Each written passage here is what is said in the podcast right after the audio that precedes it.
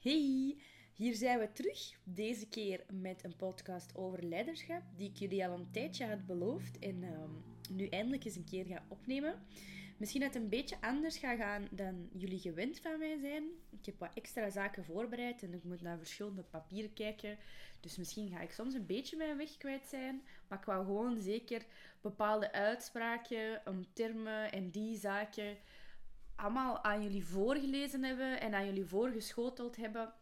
Dus bij deze, als je mij soms hoort zoeken, dan weet je waarom het is. Dus ik wou het vandaag met jullie hebben over waarom ik dus wel ook een presentatie over leiderschap geef in mijn opleidingen. Want ik vind het wel belangrijk om mee te geven waar dat die term vandaan komt. En op, de, op zich met de originele versie van leiderschap waar dat op gebaseerd is, als we zo terug in de tijd gaan kijken van de horsemanship-stromingen, waar dat die vandaan komen en al die zaken, dat er daar eigenlijk niet zo heel veel mis mee is, maar dat dat een term is die heel gemakkelijk foutief geïnterpreteerd kan worden door het menselijke beestje en dan als excuus gebruikt wordt om hard en dominant te zijn naar paarden toe. En vandaag wou ik vooral met jullie kijken naar waar dat, dat vandaan komt. Maar ja, dus ik moet het nog even hebben over wat er natuurlijk allemaal met die, met die term gebeurd is ook. Hè.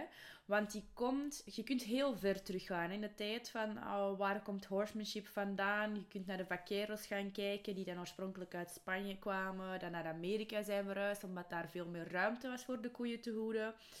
En dan de meest recente namen dat je tegenkomt zijn bijvoorbeeld Tom en Bill Dorrance. Dat zijn um, twee heel bekende mannen in die wereld, waarvan die onder andere um, Ray Hunt hebben opgeleid. En Ray Hunt heeft dan weer Buck Brenneman opgeleid. En Parallel reed bijvoorbeeld ook mee in zijn lessen.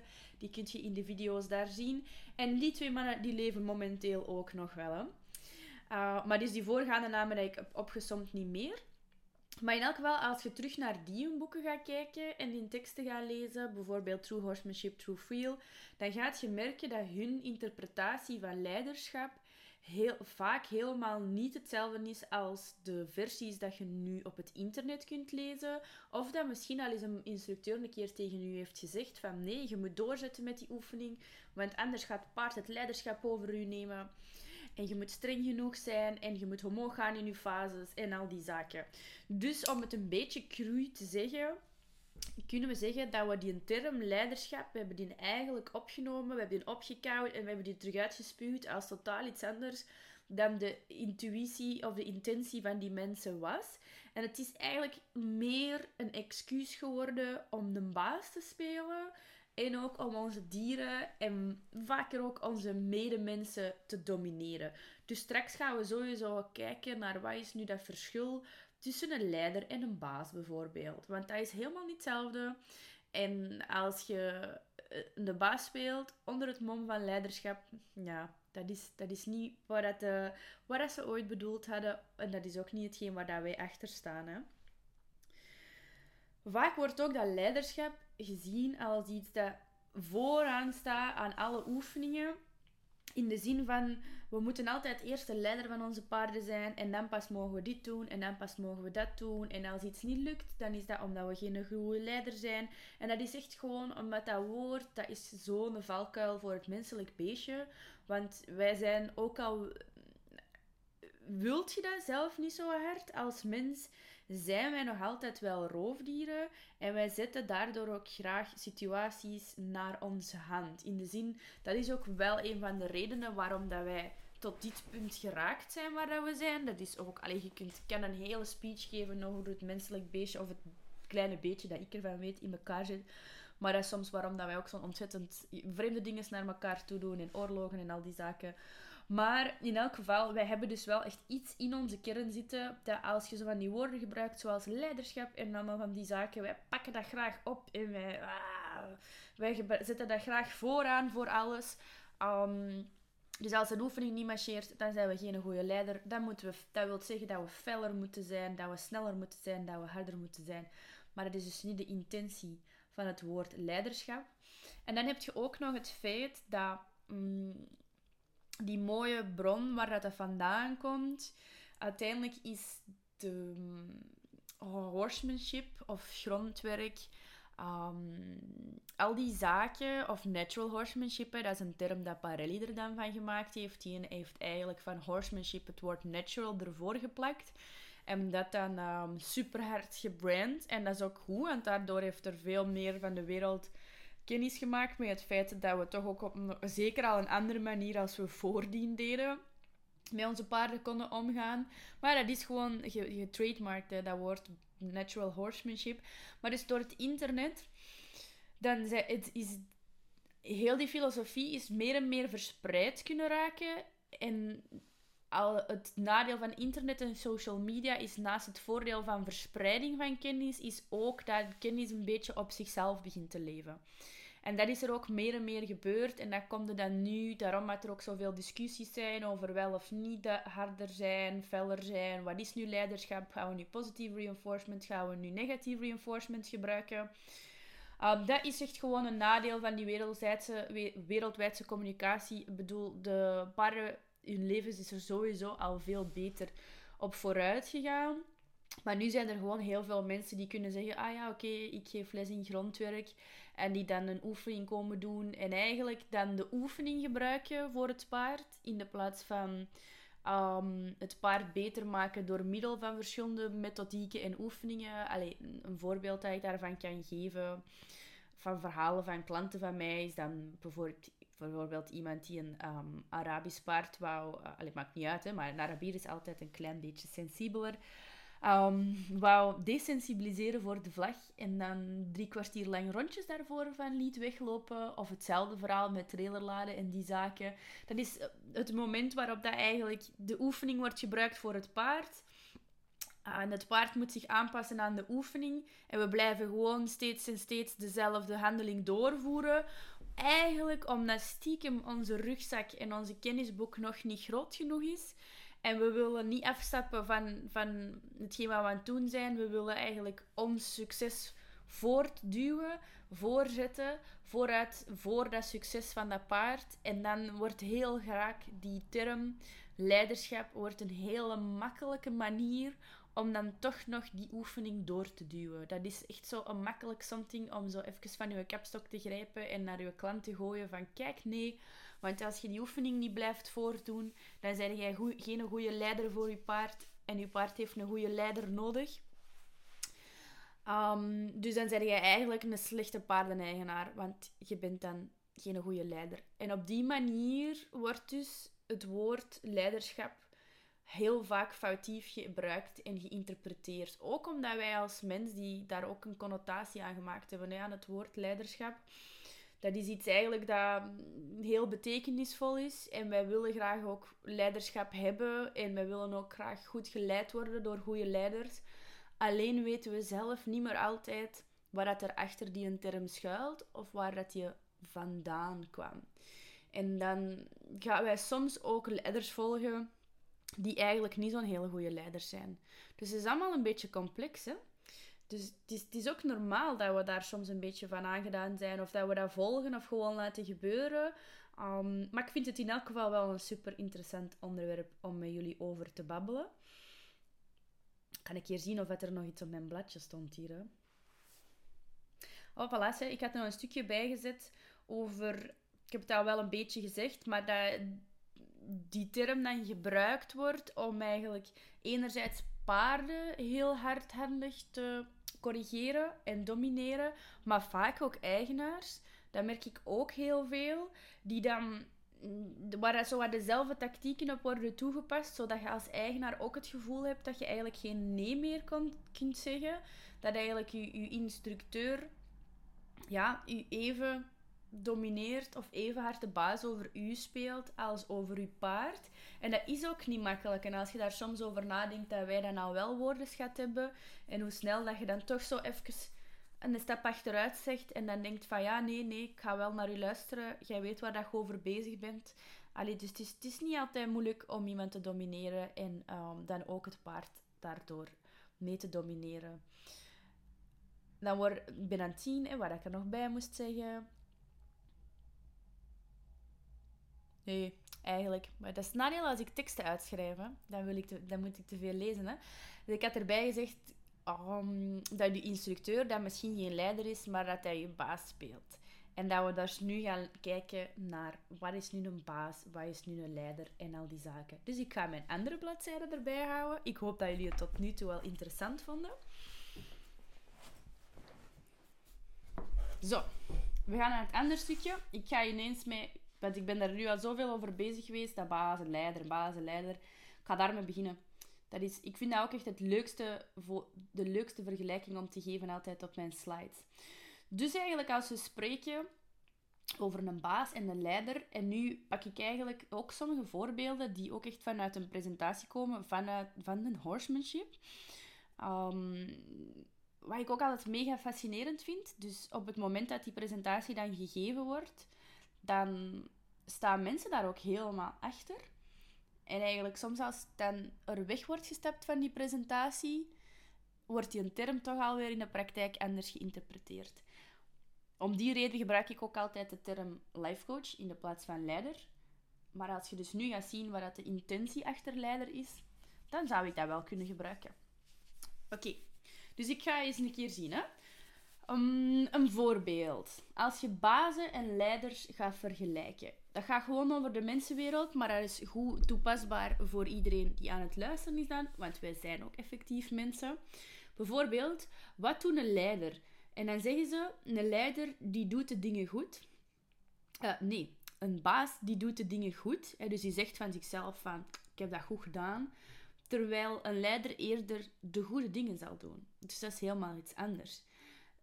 Een baas die gaat tegen zijn personeel zeggen van go, ga, vertrek nu, begin eraan.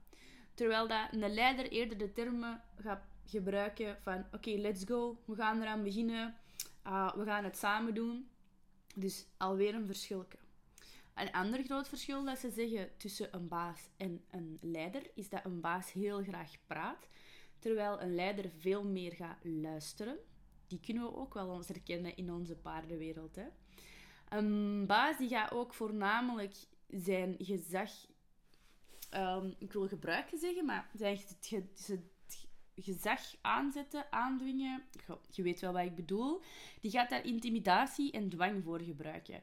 Terwijl een leider meer zijn charisma gebruikt uh, om mensen voor hem aan het werk te zetten of handelingen te laten uitvoeren. Klinkt een beetje negatief, maar je weet wel wat ik bedoel.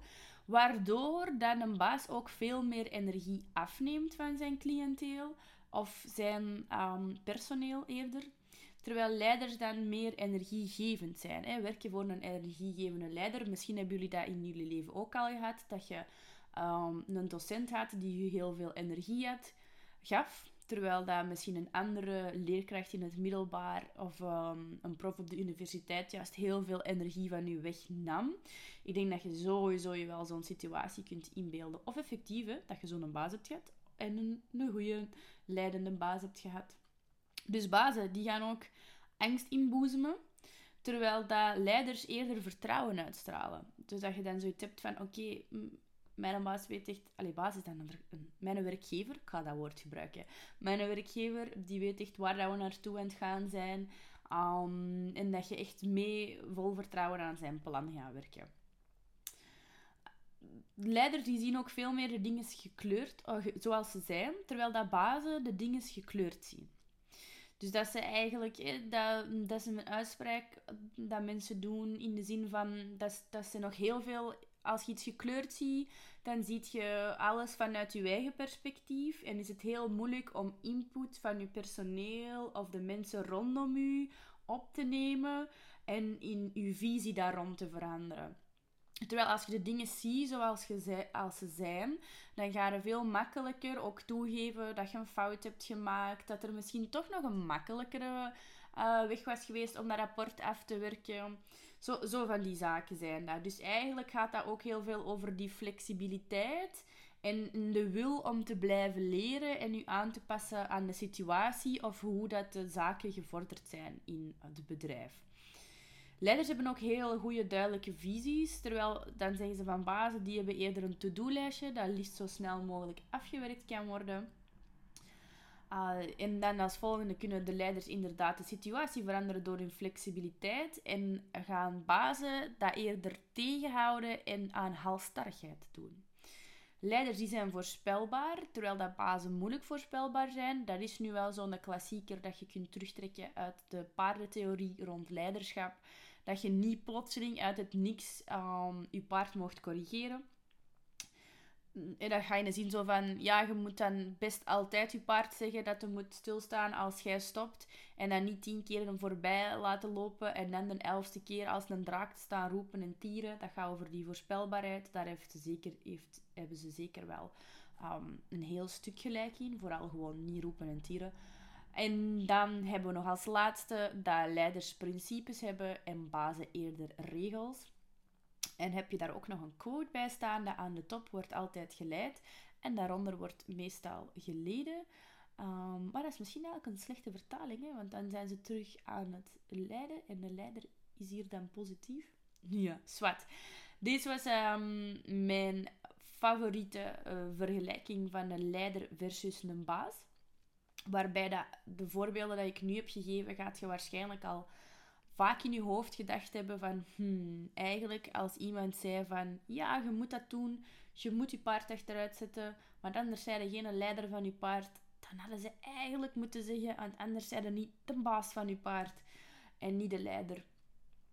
Um, want de leider moet in eerste instantie altijd veiligheid bieden.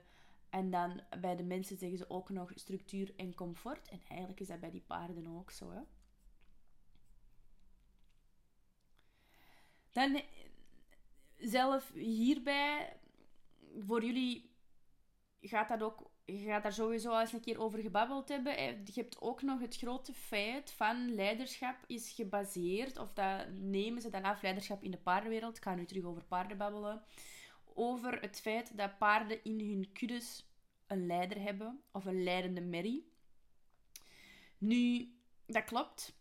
En er zijn al heel veel discussies online en op het internet en verschillende researches te vinden dat paarden eigenlijk in hun um, kuddeleven helemaal niet zo strikt tegen elkaar zijn.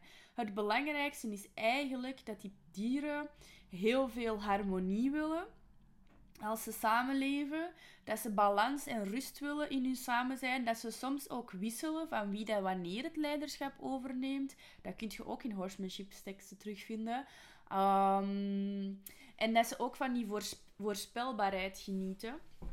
En waar, waar zit het dan? Vaak wordt er gezegd als iemand ehm, zijn klant wilt overtuigen van toch hoge fases te gebruiken of, of de oefening door te duwen aan het paard, dan zeggen ze ja, maar paarden doen ook zo tegen elkaar. Heb je al eens gekeken? Hè? Paarden die corrigeren elkaar ook fel en duidelijk. En of wat er nu effectief wel of niet heel hard gevochten wordt in natuurlijke kuddes, waar dat je zeker van kunt zijn, is dat dat veel meer is in onze kuddes omdat wij eigenlijk allemaal paarden samenzetten die de keuze niet hebben om zich van die groep af te splitsen. Om bij de, dus die, die groep heeft niet de mogelijkheid om zichzelf harmonieus te vormen. En de omgeving is dan ook nog eens zoveel beperkter ten opzichte van een groep die echt rondtrekt en elkaar nodig heeft om te overleven. Dus bij, zij hebben overleving nodig en rust en balans met elkaar. Terwijl dat onze paarden misschien gewoon veel meer persoonlijke ruimte nodig hebben en zich vervelen de hele dag lang. En dan heb je ook nog eens situaties dat je niet altijd alle paarden 24 op 7 hooi krijgen of kunt geven. Soms is dat ook te moeilijk omdat ze dan te dik worden in die zaken. Dus eigenlijk staan onze paarden, we doen ons best. Het is niet om jullie een schuldgevoel te geven, maar het is gewoon niet hetzelfde als ze in het wild zouden staan. Je kunt ze ook niet meer zomaar loslaten. Ik weet ook niet of dat ze de plannen nog zouden kunnen trekken, of toch zeker niet onze paarden, onze Europese paardjes die op hele kleine landen staan. Maar in elk geval, als het excuus gebruikt wordt van kijk, paarden doen ook zo tegen elkaar, dan is dat niet geldig als je vergelijkt naar een gedomesticeerde kudde. Als je dan wijst naar een groep, naar mijn groep van mijn paarden, naar weet ik veel welke groep dat er op dat moment naast jullie staan, dat is geen juiste vergelijking. Want dat zijn geen wilde paarden. Dat is gelijk dat je een groep uh, jongens en meisjes samenzet in een huis. Um, en dan zegt ik sluit jullie een jaar op en zie maar dat je je plan trekt. Hoeveel ruzie zou er ontstaan, denk je? Het zou niet zo gezellig zijn. Ik weet zelf niet of iedereen in leven zou blijven dan. Als je letterlijk de deur op slot doet. Maar dan ben ik misschien een beetje ver aan het afwijken. Maar dit is een belangrijk deel dat ik nog wou meegeven over het leiderschap. Hè, dat die kuddes bij ons gewoon ook helemaal niet natuurlijk zijn. Waardoor dat, dat ook geen referentie is.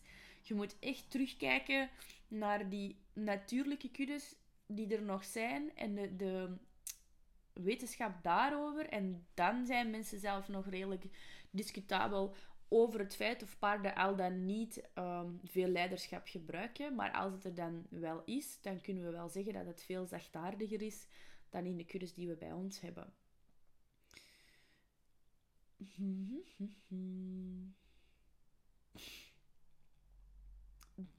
Dan wordt er ook nog meegegeven over, de, over consequent zijn naar je paarden. Is dat je altijd je in eerste instantie de vraag moet stellen van wat je kunt doen om je paard te helpen om de, te begrijpen wat jij aan het vragen bent. Je hebt daar nog een quote van Parelli bij staan. Ik vind het gewoon leuk om dan Parelli quotes te geven. Um, om gewoon aan te tonen. Want het is niet dat ik dat per se allemaal nog 100% volg. Ik ben daar geen grote fan van. Ook geen gigantische tegenstander. Um, alles moet altijd van ergens komen. Maar in elk geval, zien en schrijven kon wel. Dus de quote, mijn excuses voor mijn prachtig Engels, is... Horses are like computers. They never do what you want them to do, but they always do what you tell them to do or program them to do. Komt erop neer dat hem zegt dat als je paard niet doet wat jij op dat moment vraagt, dat dat ook nog altijd je eigen schuld is. Want dan zulde jij dat je paard wel zo aangeleerd hebben.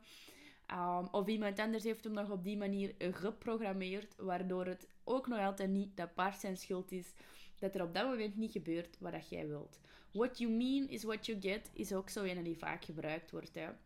Dus dan moet je gewoon afvragen als je iets wilt bereiken met je paard. Je hebt een quiz, je hebt een oefening voor je staan en um, het lukt niet. Dan zeggen ze: het eerste wat je moet doen is je eigen de vraag stellen: van wat kan ik doen om mijn paard te helpen om te begrijpen wat, um, wat ik van hem verwacht. En dan heb je ook nog de volgende Parelli quote. If you don't get the right answer, you either ask the wrong question or you ask the question wrong. Dus je kunt wel zien dat in al die uitspraken er eigenlijk gezegd wordt dat het onze verantwoordelijkheid is en nergens wordt gezegd van ah, nu moet je gewoon je vraag 2000 keer opnieuw doorstellen en feller stellen en blijven volhouden. Een ander belangrijk deel dat um, onder horsemanship staat, is dat de relatie met je paard steeds van voor moet staan. Daar ben ik echt duizend procent mee eens. Dat staat volgens mij zelf op mijn website in het groot. Dus alles wat ik doe, of wat je doet met je paard, de relatie met je paard moet voorop staan. Wilt jij trainen, wilt jij een academische sessie doen, dat mag. Maar je moet altijd vooral zien dat u, de relatie tussen u en uw paard een gewin heeft of winst maakt tijdens die sessie. Dus als je paard niet klaar is om op dat moment te focussen op de academisch werk, dan past je sessie aan, zodat hij oftewel zijn focus kan vinden, oftewel gaat iets anders doen en dan gaat je een paar dagen later verder oefenen voor je academisch werk.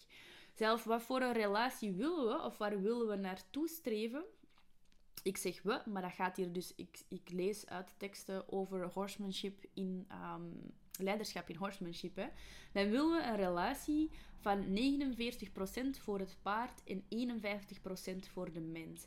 Waarbij die 51% dat dient daar eigenlijk voor omdat paarden leven in onze wereld en soms zijn er situaties in onze, in onze wereld waar dat zij geen vat op hebben. Zoals als je samen naar een kruispunt komt en het is een rood licht, dan moet hem stoppen, want anders gaat hem doodgaan. Dus daarvoor heb je dan dat wij net 1% meer krijgen en zij eentje minder, zodat wij hun wel kunnen helpen om te overleven in een wereld die zeer sterk vermenselijkt is. Maar hier weer hetzelfde. Hè. De relatie met je paard steeds voorop zetten. 49% voor je paard en 51% voor ons. En dan vragen we ons, kunnen we ons afvragen Waarom dat dan zoveel sessies van trainingen met paarden bestaan uit doe dit, doe dat, nu een cirkel, nu stoppen, nu van hand veranderen, nu van voorhand veranderen, nu nog travers, nu meer schouder binnen, nu dit, nu dat. Dat is heel vaak. En als ze het niet doen, dan gaan we morgen onze fases, dan vragen we het meer, dan vragen we het door, stappen ze naar voren, dan corrigeren we, zetten ze terug naar achter. Dat zijn eigenlijk allemaal heel veel patronen, dat als je dat gaat bekijken in die 49, 51, waarom zijn we dan zo angstig voor onze paarden te leren nee zeggen? Of voor een B-optie aan te bieden? Want dat hoort toch in een relatie, als je ongeveer evenveel procent hebt in de relatie, dan moet toch juist je partner ook inspraak hebben. Want anders denk ik dat je eerder een 10%, 90% relatie hebt. Dus als je dan ziet, hè, naar die termen keuzevrijheid en al die zaken, dan slacht dat allemaal niet zo haaks op elkaar. Dus het gaat allemaal over interpretaties van termen en zaken waar we op hameren. Ook die horsemanship zelf, die boeken van Tom en Bill Dorrance, zij hebben dat. Um, de manier waarop zij schrijven is veel zachtaardiger dan de manieren waarop horsemanship nu vaak wordt aangeboden. En daarbovenop waren die paarden waar dat zij, uh, die dat zij trainden en, en, en klaar moesten krijgen, dat waren paarden dat ook nog eens effectief een job moesten doen. Die moesten in de bergen en in de velden en in de wilde natuur voor uren meerijden of misschien zelf met hun cowboys. Die moesten een koe kunnen meeropen, niet bang zijn van die koe te ropen. Die moesten als die cowboy afstond, afstapte, moesten die een lijn aangespannen kunnen houden, niet te hard, maar ook niet te zacht. Want als ze niet juist deden, hun job, dan konden ze hun, als er slek op hun lijn kwam, dus dat er een lussing kwam en ze zetten een stap naar voren, dan kon die lijn rond dat paard zijn been geraken en dat paard zijn been breken. Dus die paarden waar dat er op dat moment ook al voor over gezegd wordt, je moet 59% 51% relatie hebben, die paarden moesten ook effectief nog eens een job gaan uitvoeren. Terwijl dat onze dieren eigenlijk onze recreatie, dat is onze hobby, wij doen dat graag. En als die morgen niet één stap iets beter konden als gisteren, dan maakt dat eigenlijk geen moer uit. Hun leven gaat niet in het gedrang komen doordat ze het nog niet kunnen.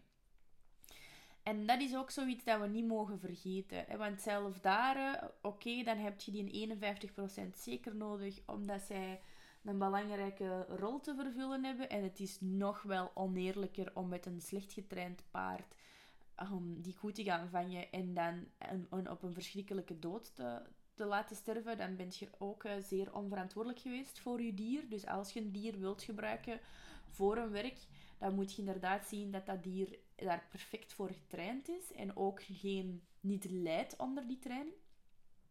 Maar ja, dat hebben wij eigenlijk niet meer. Hè. Wij hebben eigenlijk gewoon onze beste vrienden in uh, een weiland of een paddock paradise staan waar wij heel graag tijd mee doorbrengen. Dus al die moetes, dat mag soms een beetje gaan.